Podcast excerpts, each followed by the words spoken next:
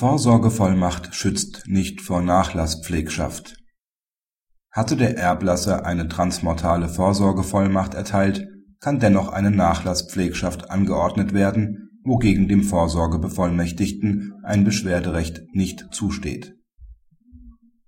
Im Januar 2010 ordnete das Nachlassgericht eine Nachlasspflegschaft mit dem Wirkungskreis der Sicherung und Verwaltung des Nachlasses sowie der Ermittlung der Erben an die Erblasserin hatte ihrer Rechtsanwältin eine privatschriftliche Vollmacht erteilt, welche zur Vertretung in sämtlichen Vermögens und persönlichen Angelegenheiten ermächtigte und die auch über den Tod hinaus galt.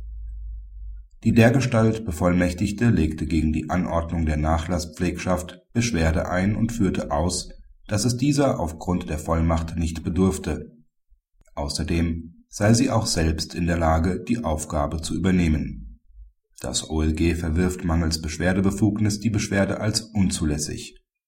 Hierzu stellt es auf § 68 Absatz 2 und 59 Absatz 1 FamFG ab. Es führt aus, dass die Bevollmächtigte in keinem subjektiven Rechten beeinträchtigt ist.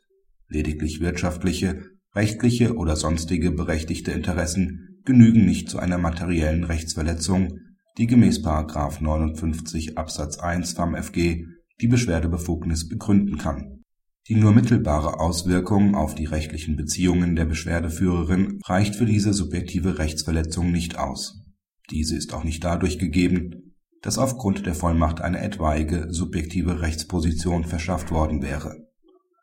Die Vollmacht dient allein der Legitimation, für einen Dritten rechtsgeschäftlich zu handeln, nicht jedoch dazu, eigene subjektive Rechte auszuüben die Auswahl des Nachlasspflegers steht im pflichtgemäßen Ermessen des Gerichts gemäß den § 1960 Absatz 2, 1915 und 1779 Absatz 2 Satz 1 BGB, wobei diese Normen nicht dazu dienen, den an der Übernahme von Pflegschaften Interessierten eine berufliche Betätigung zu ermöglichen.